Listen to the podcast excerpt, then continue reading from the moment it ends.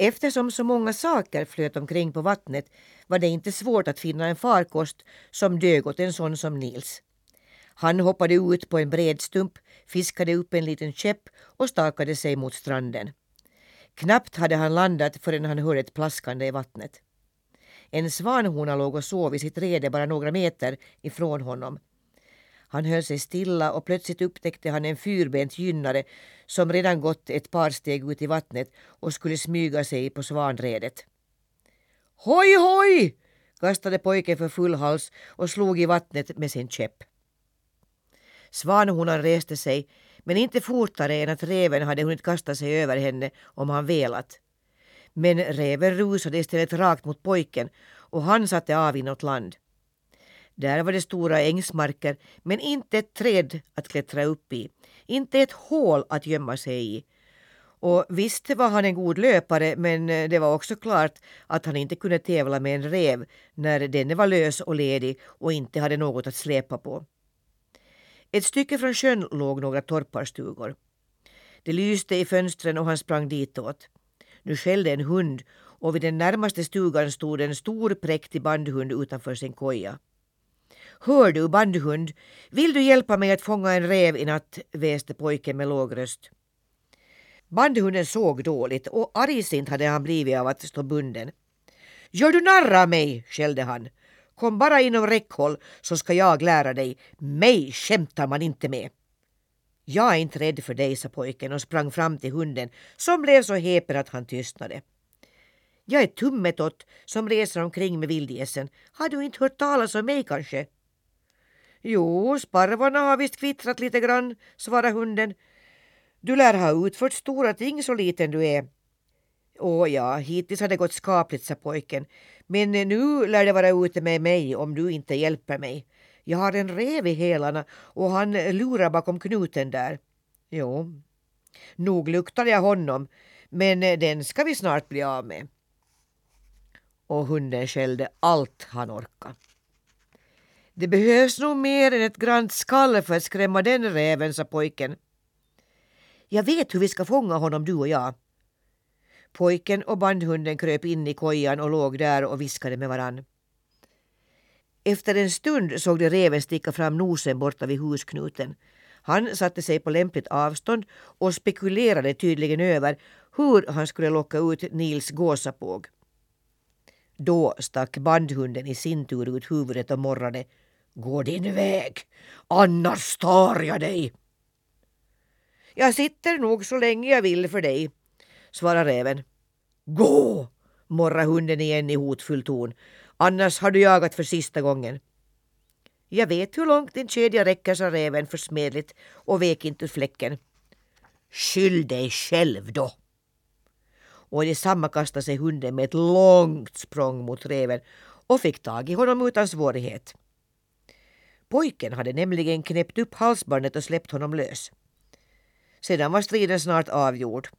Hunden stod som segrare och räven låg på marken och vågade inte röra sig. Ja, håll dig stilla du, sa hunden, annars biter jag ihjäl dig. Han tog räven i nacken och släpade honom till sin koja. Pojken kom med hundlänken och lade halsbandet två gånger om rävens hals och spände till. Ja, nu hoppas jag att det ska bli en god bandhund av dig, smirrev, sa pojken när han var färdig. Det hade med ens blivit det allra vackraste väder. Varmt, stilla och ljuvligt. Nils Holgersson låg på en äh, och njöt i solen då en korp kom flygande och ställde sig bland de granna blommorna. Det var Bataki och honom hade pojken redan haft att göra med. Han var nog inte alltid att lita på.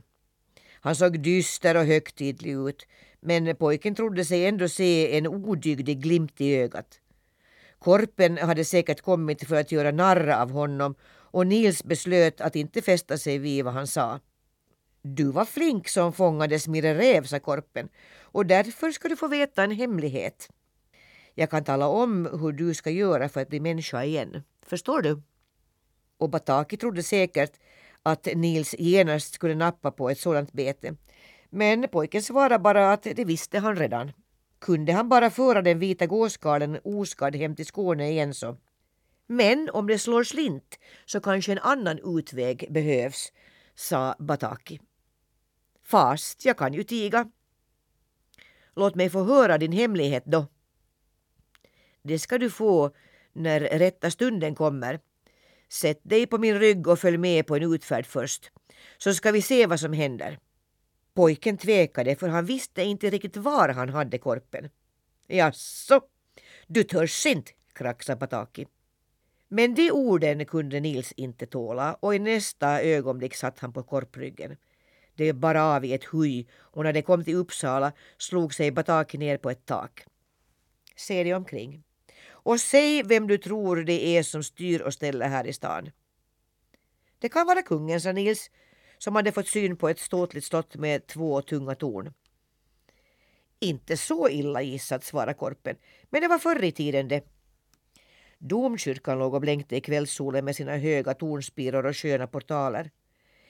Kanske biskopen och hans präster, föreslog pojken.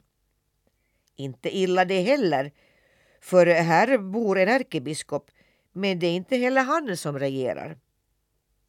Då vet jag inte vad jag ska hitta på, sa pojken. Jo, det är lärdomen som regerar här i stan, upplyste Bataki. Alla granna hus du ser har man rest åt honom och hans folk. Kom ska du få se. Korpen tog honom med till universitetet och biblioteket och svävade förbi fönstren till forskningssalar och institut av alla de slag. Överallt satt man och läste och studerade. Om jag inte vore korp, utan bara en människa som du, så skulle jag slå mig ner här och lära mig allt som står i böckerna, sa korpen. Har du inte lust till det du också?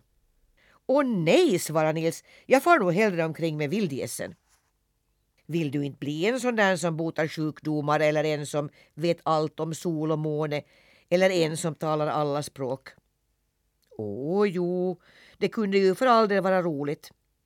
Eller en som kan skilja mellan ont och gott, rätt och orätt. Då kunde du predika i kyrkan där hemma. Då glimmade det till i pojkens ögon. Far och mor skulle allt bli glada om jag kom så långt.